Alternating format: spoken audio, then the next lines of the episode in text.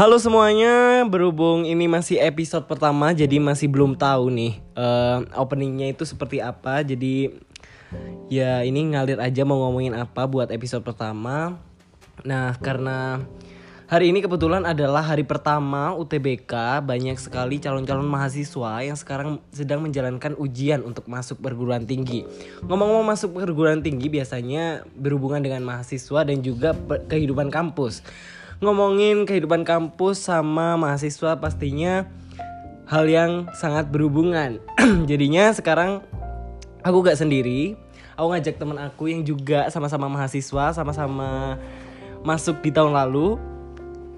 Hai semuanya, gimana kabarnya? Semoga kalian sehat-sehat. Dan ya, aku ini baru pertama kali ya diundang juga di di repot ya ini ya.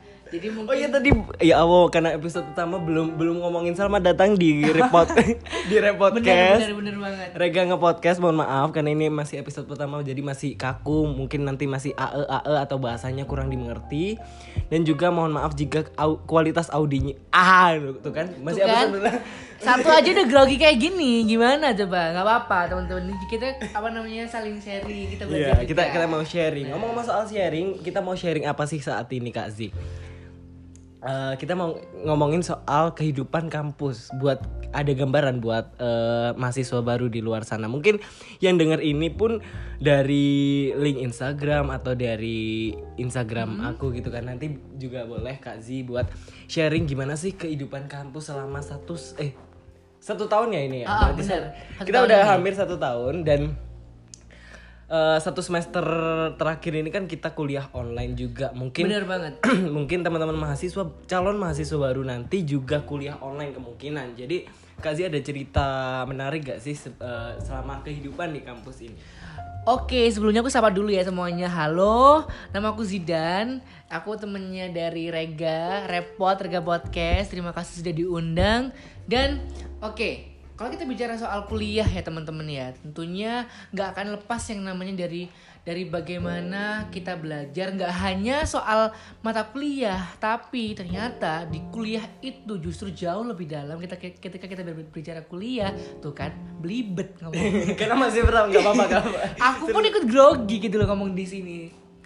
Eh, tadi kita kembali kalau kita ngomongin kuliah itu nggak hanya soal mata kuliah, tapi ternyata lebih dalam dari itu kita juga ngomongin masa depan. Kenapa?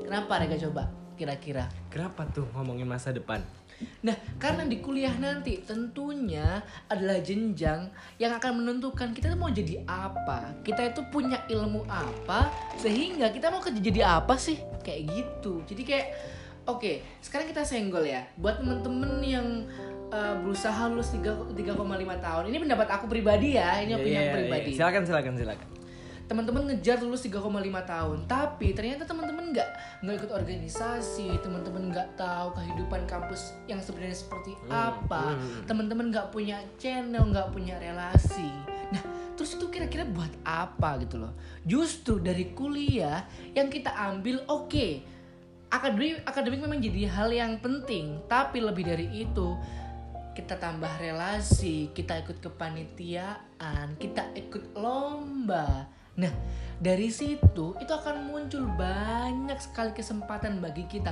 Mungkin kayak aku ya nanti ya, saat nanti. Ya sekarang aku juga sibuk sama-sama dengan Rega juga, sibuk panitia, sibuk ikut A, kegiatan B, kegiatan C. Tapi eh, IP kita biasa-biasa aja nih ki- kira-kira 3,5 lah ya. Tapi kita berdoa dapat dapat 3,9 ya, amin. Empat lah empat empat sampai lulus ya. ya bisa cum laude amin. Bener amin. Tapi ternyata memang eh, nilai kita tuh 3,5 tapi dengan CV kita dengan pengalaman kita yang begitu banyak yang segambreng itu dibandingkan dengan teman-teman yang IP 3,8 tapi CV-nya kosong kalau aku pribadi kayaknya bakal lebih menang kita. Karena apa? Pekerjaan itu nggak hanya cari teman-teman yang dapat nilai 3,8 3,9 tapi lebih dari itu perusahaan company eh, institusi itu pasti nyari anak-anak yang berbakat yang memang passion dengan bidang mereka. Contoh kita kebetulan nih Rega eh, juga ada di apa namanya jurusan public relations. Dan tentunya kita tahu sendiri bahwa PR itu jaga nama baik perusahaan. Belum belum belum. ini ini eh, kebanyakan pendengar juga belum tahu kalau misal kita dari jurusan kita kuliah Oke. ngambil jurusan public relation. Bener Jadi sebelum sebelum kita lebih dalam untuk bahas kenapa ikut organisasi, apa yang didapat saat ikut organisasi, saat di dunia kerja nanti itu terlalu dalam Kak Zi. Kita bahas kehidupan kampus dulu. Kenapa Kak Zi? Kak Zi sendiri kalau misal sat- selama satu tahun kuliah ini kan sibuk organisasi sama sibuk hal yang lain. Kenapa Kak Zi ikut organisasi? Ini biar akrab panggilnya Kak Zi aja kayak. Oke. Gak apa-apa teman-teman. Oke, kenapa aku ikut organisasi? Karena itu tadi teman-teman ya. Eh, tujuan aku kuliah emang untuk yang pertama pasti kita nggak ini kan ya, pasti kita nggak mengesampingkan bahwasanya kita cari IP biar IP kita bagus, biar kita bisa diterima di perusahaan yang kita mau. Tapi kenapa aku harus ikut organisasi? Karena sebenar-benarnya kalau menurut aku pribadi dengan kita ketemu banyak orang dengan kita sharing dengan banyak orang otomatis teman-teman kalau ikut organisasi ikut kepanitiaan pasti kan kita banyak orang kan? Pasti ketemu dari teman fakultas lain lah dari jurusan lain lah dari mungkin kota-kota lain yang mungkin Lebih lebih itu ya, lebih go public make relation ya. Ya iyalah, maksudnya yang beda dari background dan segala macam otomatis kita akan bertukar pikiran dengan kita ngobrol dengan kita dapat ilmu dari dia. Ah kok gitu sih? Ah kok gini sih nah sebenarnya itu poin yang bener-bener aku suka itu karena itu sih. Karena memang mungkin aku dulu kenapa masuk PR juga karena itu. Karena memang aku suka ketemu orang-orang baru kita ngobrolin hal-hal baru dan tentu kita dapat ilmu baru yang nantinya mungkin bisa kita aplikasikan ketika kita sudah lulus kuliah dan bekerja dalam suatu perusahaan atau company yang kita inginkan. Kayak gitu. Oke, baik Kak Zi. Ini kan karena sekarang juga mau musim maba meskipun mabanya maba online ya. Jadi kasihan tau tahun ini iya sebenarnya benar ya kan. Tapi di luar itu semua, di luar eh, kita ikut organisasi ini mungkin lagi-lagi terlalu jauh Kak Zi karena mereka masih belum Hmm. masuk ya. Mungkin ini yang dengar juga perlu tahu. Eh ke- apa sih yang Kak, Kak Zi dulu sebelum masuk kuliah expect waktu kuliah ternyata beda jauh waktu udah masuk. Misalnya nih kalau Rega sendiri kan kalau misal dulu aku kan berhenti satu tahun. Jadi itu mikirnya itu kayak kasih juga kan, kasih Ah, juga demikian banget. kasih kita kita berdua sama-sama gap year, oh, iya. gap year. Jadi waktu itu aku mikirnya kuliah itu kayaknya seru-seruan kayak di film-film kayak gitu. Nah ternyata waktu kuliah masuk di di dunia perkuliahan ternyata justru lebih reward dan anak-anaknya ya bisa dibilang individualis Benar tidak. banget. Itu kita nggak bisa munafik ya maksudnya Iya, kita nggak? bisa mengesampingkan itu. Iya, benar. itu fakta yang ada. Mm-mm.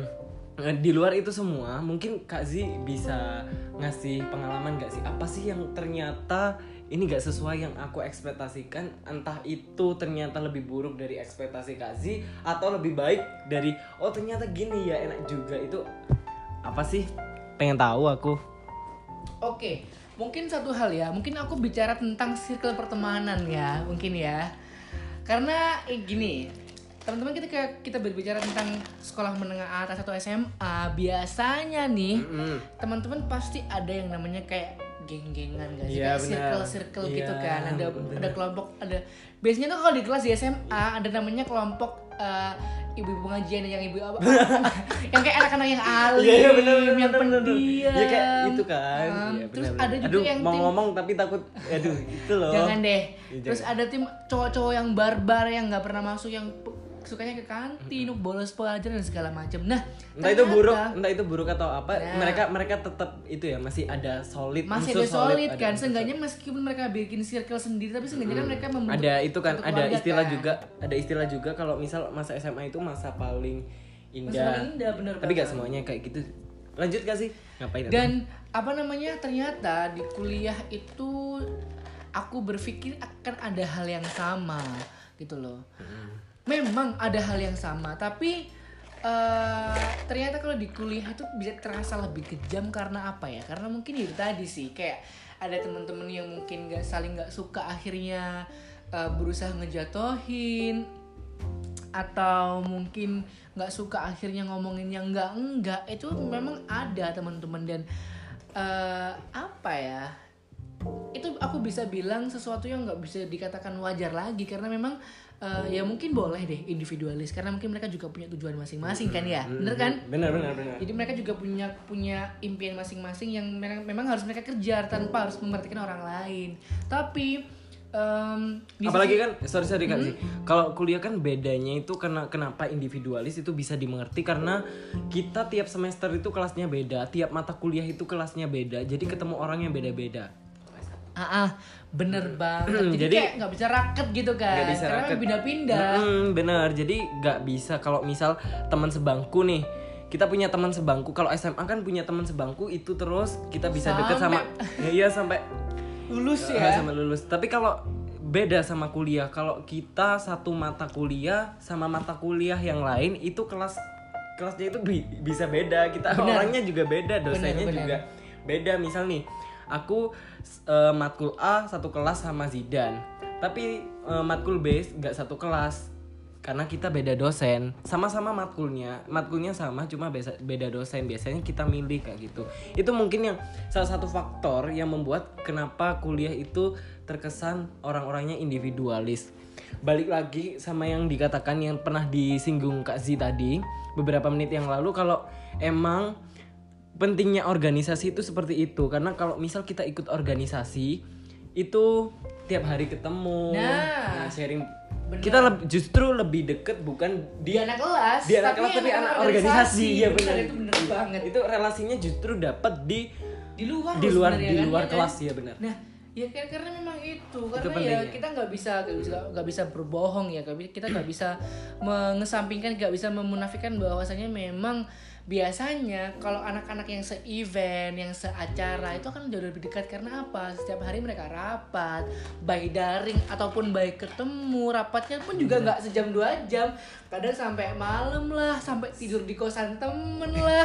Iya, sampai nggak pulang sampai mereka akhirnya berangkat bareng lagi ke sekolah ke, ke ke sekolah. Ke kampus. Ke kampus. Nah itu sebenarnya yang yang apa ya mungkin ya fakta-fakta yang harus teman-teman ketahui lah. Bahwasanya kuliah tuh nggak sekedar cuman datang ke kelas dengerin dosen ngajar kalian absen. Tapi lebih dari itu teman-teman harus cari yang namanya pengalaman organisasi, pengalaman kepanitiaan, biar itu ada relasi, kemudian ada ilmu-ilmu baru sehingga ketika teman-teman lulus, ketika teman-teman graduation dari graduation oke gra- fresh graduate Iya, istilahnya, ya. teman-teman tuh nggak nggak kosong, nggak hampa gitu, jadi teman-teman kayak Empat. maaf salah, salah server. Salah server. Aduh Jamil. Jadi teman-teman tuh kayak bawa bekal lah istilahnya dari dari dari kampus tuh kayak gitu. Hmm. Ada yang dibawa lah waktu lulus, ada cerita yang bisa diceritain buat anak cucu. Waduh, berat banget udah sampai anak cucu juga. nah, ini eh, ngomong soal relasi nih Kak Zi. Kita gak nutup kemungkinan buat teman-teman yang nantinya mau masuk kuliah atau sekarang lagi ada lagi juga udah kuliah, gak nutup kemungkinan buat kalian bentuk relasi itu hanya di kampus, di luar kampus kalian juga bisa eh, bangun relasi lewat organisasi luar kampus, komunitas ataupun nanti kalian juga bisa kayak part time kerja gitu. Kalian bisa eh, dapat relasi dari lebih banyak malah ya. lebih Pak. banyak, lebih Bener. banyak relasinya karena eh, relasi itu bisa dap kalian dapat dari mana pun. Kita tadi eh, ngomongin bukan mendoktrin kalian harus ikut organisasi, tapi kita eh, menyarankan, Menyarankan kalian sih untuk ya. mendapatkan relasi dan salah satu contoh kuatnya Bener. paling efektif adalah ikut organisasi seperti Bener. itu sama kepanitiaan. Apalagi kalau di kehidupan kampus seperti yang aku bilang tadi eh, kelasnya bakal beda-beda setiap mata kuliah. Jadi Bener. gak akan bisa bisa sih punya teman deket cuman susah gitu gak Cuman sih kalau susah misal- ya. Ini kayak kalau kita ibaratkan 1 sampai 10 tuh kayak Kemungkinan dua tiga per sepuluh lah. Iya, ad- Kayak gitu. tapi ada kok. Tapi ada kok yang sampai lulus temennya itu ada nggak? Iya ada, ya, rezeki-rezekian lah. Ada cuman ada juga eh, yang kayak vokasi itu gak sih? Itu kan kelasnya sama mulai dari masuk sampai Oh, iya, sampai iya, iya, lulus iya. itu mung- mereka juga bisa arket juga. Benar benar benar. Mereka kita pada Kita anak apa sih sebenarnya? Iya. Kita anak apa sih sebenarnya? Aku nggak paham sama. Tapi nggak apa-apa. Ini apa Iya. namanya buat sharing teman-teman aja yang yang teman-teman buat sarjana juga buat vokasi juga Bener, pada intinya sama nggak ada yang beda kok dari dari dari vokasi ataupun sarjana ya yang yang beda yang yang beda cuman itu tadi doang cuman kelasnya aja kalau vokasi kebanyakan itu biasanya langsung sepaket atau sama dari semester 1 sampai semester akhir biasanya dan kalau di sarjana itu ya tadi beda-beda. Jadi untuk eh, ngakali punya relasi ya itu organisasi. Karena organisasi selain dapat relasi, kita juga bisa ningkatin skill juga. Ngomong soal skill, ngomong soal skill nih biasanya. langsung nyambung ya Langsung nyambung ya. keren Skill ya. itu bisa kita asah kalau misal kita terbiasa. Waduh. Ada ada pepatah mengatakan bisa karena biasa Iya benar, benar. sorry sorry. Jadi ada gangguan teman-teman maaf ya ini kayaknya ada bau-bau apa nih ya ini kayak diganggu deh Aduh, lagi ada gangguan. Kita Abis baru makan ya, pedas. mungkin apa kamar sebelah mungkin ya Iya. Jadi ngomong-ngomong soal skill, kembali lagi. Eh, sorry, sorry, sorry guys. gimana sih ini maksud Sorry guys, sorry guys. Kita kan nggak mungkin ya punya skill. Kalau misal kita mau masuk dunia kerja, pastinya kita harus punya skill. Tidak hanya skill yang kita punya saat kita belajar waktu kuliah eh, di kelas, tapi juga di luar kelas. Salah satunya lagi-lagi adalah organisasi. Kita bisa ngasah skill mulai dari kayak eh, ikut-ikut kompetisi. Karena ternyata waktu kita ikut organisasi itu kalau misal kita minat di eh, public speaking tapi kita kita gak kita kayak insecure kita gak gak berani buat ngomong gitu ya misal. Ternyata teman-teman kita di organisasi itu banyak yang pintar ngomong jadinya kita kayak Aduh. gimana ya kemarin aku sempat baca sih kalau misal kita mundur alon-alon gitu ya? Kenapa? Kayak mundur alon-alon iya gitu ya? kadang insecure tapi aku pernah baca nih kalau misal if you hang around with a public speaker with a five public speaker, Speaker. you will be the sixth. Jadi kalau misal kita bisa kumpul sama orang-orang yang positif sama orang-orang yang pinter public speaking kita bisa jadi orang yang sama kayak mereka. Benar, ya karena memang lingkungan ya sekali lagi memang lingkungan kita mempengaruhi kan. Karena itu pentingnya kita juga pilih-pilih lingkungan salah satunya yaitu eh, di kehidupan kampus jangan jangan apa nih? jangan ya istilahnya jaga diri baik-baik lah ya. Maksudnya kan kita udah dewasa udah udah masuk kuliah loh. Bedanya bedanya adalah siswa sama mahasiswa. Yang di mana maha itu kan udah paling atas kan berarti udah tahu mana sih yang baik buat aku mana sih yang nggak baik buat aku. Kayak gitu. Mm-mm. bener bener bener jadi Kak Zi ada pengalaman gak sih eh, dari skill yang Kak Zi dapatkan selama ini entah itu sebelum masuk kuliah atau setelah masuk kuliah ini itu Kak Zi dapat kesempatannya itu dari mana? Dapat skillnya itu dari apa? Ikut apa kayak gitu mungkin ada pengalaman? Oke sebenarnya panjang ya kalau aku jelasin ya. Singkat aja singkat Oh, aja. singkat aja. nanti kalau Jadi kayak- panjang sampai besok subuh selesai. Ntar di episode selanjutnya kayaknya ya. Oh iya ada season 2 guys gini teman-teman kalau dari aku pribadi memang aku nggak tahu ya itu mungkin juga bagian dari gen orang tua kali ya Hmm. kalau ibuku emang orangnya pendiam cenderung aku uh, aku kayak duplikat dari ayah Bu aku. siapa? Bu siapa? dari Mbak Yuli suaminya Mas Yudi bukan bukan. bukan salah server ya Salah salah. Oke. jadi oke. kayak aku tuh duplikat banget sama ayahku karena ayah- ayahku itu tipe orang yang vokal dan ternyata itu nurun ke aku sampai pada suatu saat di sekolah dasar itu pertama kali aku aku ikut lomba tuh kelas 2 itu yang bener-bener aku nggak tahu harus bagaimana. Itu sebenarnya lomba bahasa Inggris Eh, tapi masih writing sih. Yang baru kayak speak up itu kelas 4 itu aku udah ikut mulai lomba pidato news news reading contest. Yang bener-bener waktu itu kayak yang ya udahlah tinggal ngafalin belajar dan segala macem. Ada ada ada guru juga yang membimbing kan. Kayak ya udah kita maksimal aja gimana cara cara ngomong dipelajarin dari nol. Yang bener aku tuh nggak nggak bisa ngomong yang nggak tahu harus seperti apa. Akhirnya akhirnya dapet juara. Dan di situ kayak yang bener-bener apa ya kayak merasa ada reward buat aku sendiri gitu loh selama ini aku oh aku belajar ternyata ini hasilnya ya. Dan juara tuh kan nggak sekedar dapat piala kan dapat uang juga kan apa apalagi anak kecil Iya, sekolah iya. dasar loh bayangin kan. Dapat uang ya berapa ratus reward lah dari Ah. dari dari piala juga itu kan. bener bener banget. Berapa ratus sekian aja tuh kayak yang ya sen- seneng banget gitu kan. Terus akhirnya aku waktu uh, wisuda kelas S 6 SD tuh dijadiin eh, perwakilan angkatan untuk pidato di depan. Nah, jadi ditunjuk sama guru pasti Nah, ya. bener. Sama siapa lagi. kalau misal eh, ditunjuk itu berarti kesempatannya mereka tahu kalau Kak Z pernah juara satu lomba. Kalau misal Kak Z belum pernah nyoba lomba kayak gitu nggak mungkin tahu ya mereka. Bener, jadi nggak nggak mungkin ditawari. Nah. Jadi dari salah satu kesempatan eh dari salah satu kita coba itu waduh belibet nih. jadi jadi karena Kak Z berani nyoba jadi ada tawaran, jadi ada kesempatan buat terus-terusan itu padahal masih SD ya dan SD ya. sampai sekarang akhirnya terasah waduh menjadi. Zinedine Mahendra up satu putra vokasi Enggak, enggak temen-temen tuh lebay ya, lebay. Tapi intinya itu, bener-bener kayak yang core value-nya tuh eh, temen-temen harus berani dulu. Harus harus apa ya? Harus mau coba.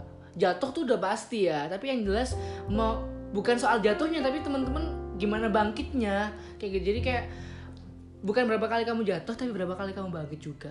Kayak misal kamu 10 kali jatuh, ya udah kamu 11 kali bangkit biar yang bangkit yang ke-11 itu jadikan hasil kayak gitu. Jadi teman-teman nggak boleh nyerah kalau emang merasa kurang ya udah belajar terus apa yang kurang, sharing dengan orang-orang yang berpengalaman. Terus yang penting adalah jangan takut dikritik. Karena dikritik itu adalah awal dari teman-teman untuk bisa segalanya sih kalau dari aku pribadi gitu. Jadi kayak aku tuh emang orangnya suka suka ngomong tapi juga suka dengerin. Jadi kayak ya udah life is balance gitu loh. Kalau kita kita kita, Bener, kita mau ngomong ya udah berarti kita juga mau harus mau dengerin kan. Kita mau menghargai harus mau harus dihargai kayak gitu. oke berarti Kak Z bisa sampai sekarang ini langkah awalnya justru karena eh, ikut lomba nah ini kan banyak juga pasti teman-teman buat eh, ka- kalau misal belum pernah ikut lomba nih Hmm. pastinya kan awal ikut lomba itu kayak aduh gimana ya takut-takut gitu Bener, kan pasti dong. Iya pastinya karena kalau sekali kita udah nunjukin kemampuan kita, nah yang ngelihat kita itu mungkin juga sua- eh, pemilik perusahaan atau misal nih kita kita ikut lomba nyanyi atau lomba apalah lomba misal lomba penyiar radio lah. Oh, Nah, misal misal ternyata penontonnya atau jurinya itu adalah pemilik atau eh, karyawannya radio lah. Nah, dia suka sama suara kita. Misal nih kalau misal kita ikut suatu kompetisi ini ini contoh ya. Nah, ternyata dia menghubungi kita meskipun kita gak menang. Nah, itu juga salah satu kesempatan opportunity kita juga kalau ikut lomba-lomba kayak gitu. Iya gak sih Kak sih? Bener bener banget. Jadi kayak Bisa terbuka lah. Jadi saat ketika kita berani batu buka loncatan lah. Bener gitu.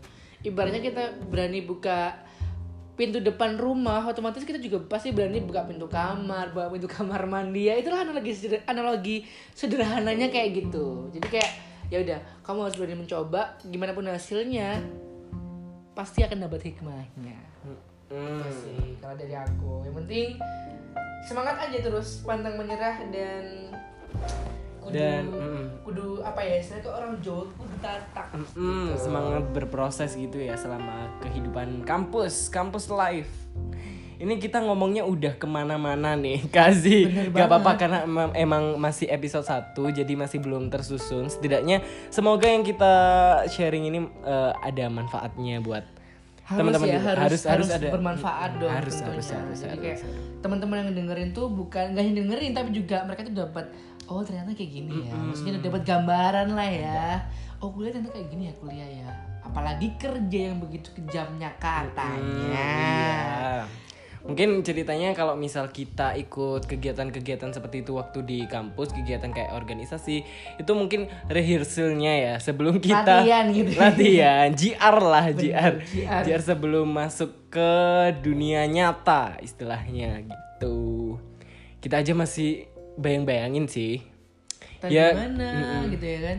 Apalagi abis ini mau magang. Iya bener. kuliah online mungkin ya kali magangnya online ya nggak apa-apa sih Iya. yang penting kita serap ilmunya maksimal aja ya Hmm. gitu Nah Kak Zia ada ada tips gak sih kalau misal ini kan ngomongin eh, ningkatin skill atau eh, kemampuan berorganisasi. Nah sekarang kan kuliah lagi online Kak Zia. Apa apa juga masih online. bener Masih daring.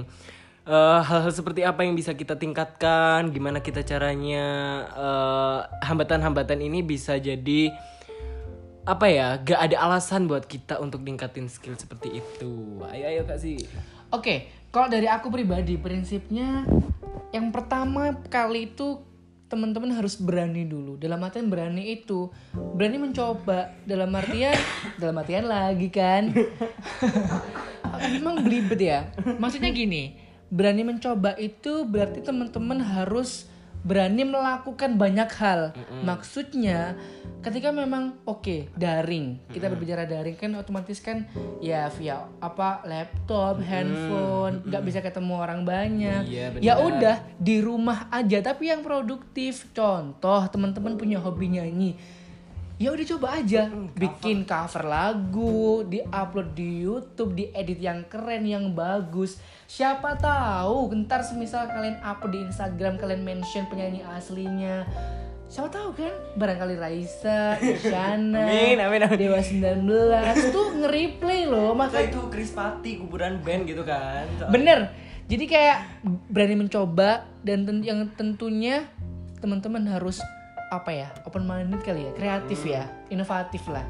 Nggak boleh nggak boleh konsisten lah kalau misal konsisten juga kalau kalau misal emang udah udah niatnya kalau misal bikin cover kayak gitu. Uh, harus terus Jadinya ngomongin gitu kan. cover nih. Tapi salah satunya itu Contohnya mungkin, sih, ya, salah satu contoh kecilnya. Tapi sekarang ngomong-ngomong masalah online tapi gak ada alasan sih. Soalnya sekarang juga banyak kayak misal dosen-dosen atau universitas gitu ngadain seminar online gitu kak sih. Jadi kita bisa ningkatin skill kadang juga lagi buka gratis gitu. Apalagi sekarang sosial media menjadi primadona anak muda. Iya bener banget. jadi apa-apa sosial media. Iya. Mm-mm. gimana gimana Instagram, apa apa Instagram. Facebook banyak loh uh, live Instagram yang bahas-bahas soal kisah inspiratif. Kayak gitu sharing-sharing. Mereka juga sering nah manfaatin tuh uh, sosial media buat uh, sosial media buat ningkatin skill kita atau kita nimba ilmu ilmu lah di Benar. luar kampus meskipun online. Karena kalau kita di rumah aja tapi cuma scroll scroll stalking stalking doi gak gak Gak ada habisnya ma- kan, iya, gak ada gak ada matinya, bener bener banget. Terus kalau dari aku sekali dari dari aku ya sekali lagi yang terakhir mungkin dari aku sebenarnya skill itu hanya soal jam terbang karena semua Hmm. orang tuh punya skill, semua orang tuh hebat, semua orang tuh luar biasa dengan skillnya masing-masing, Iya, kelebihan masing-masing, kekurangan masing-masing. Nah. Tinggal temen-temen ngasah aja apa yang yang kiranya aku punya yang lebih dari aku tuh apa diasah. Ntar kalau jam terbangnya udah tinggi ibarat penyanyi kalau mereka nggak nyanyi tiap hari nggak nyanyi terus ya suara sua- suaranya lama-lama ya nggak jelas yang mungkin awalnya sekali nyanyi enak tapi yang kedua tiga dia berhenti empat nyanyi lagi. Nggak bisa kayak gitu.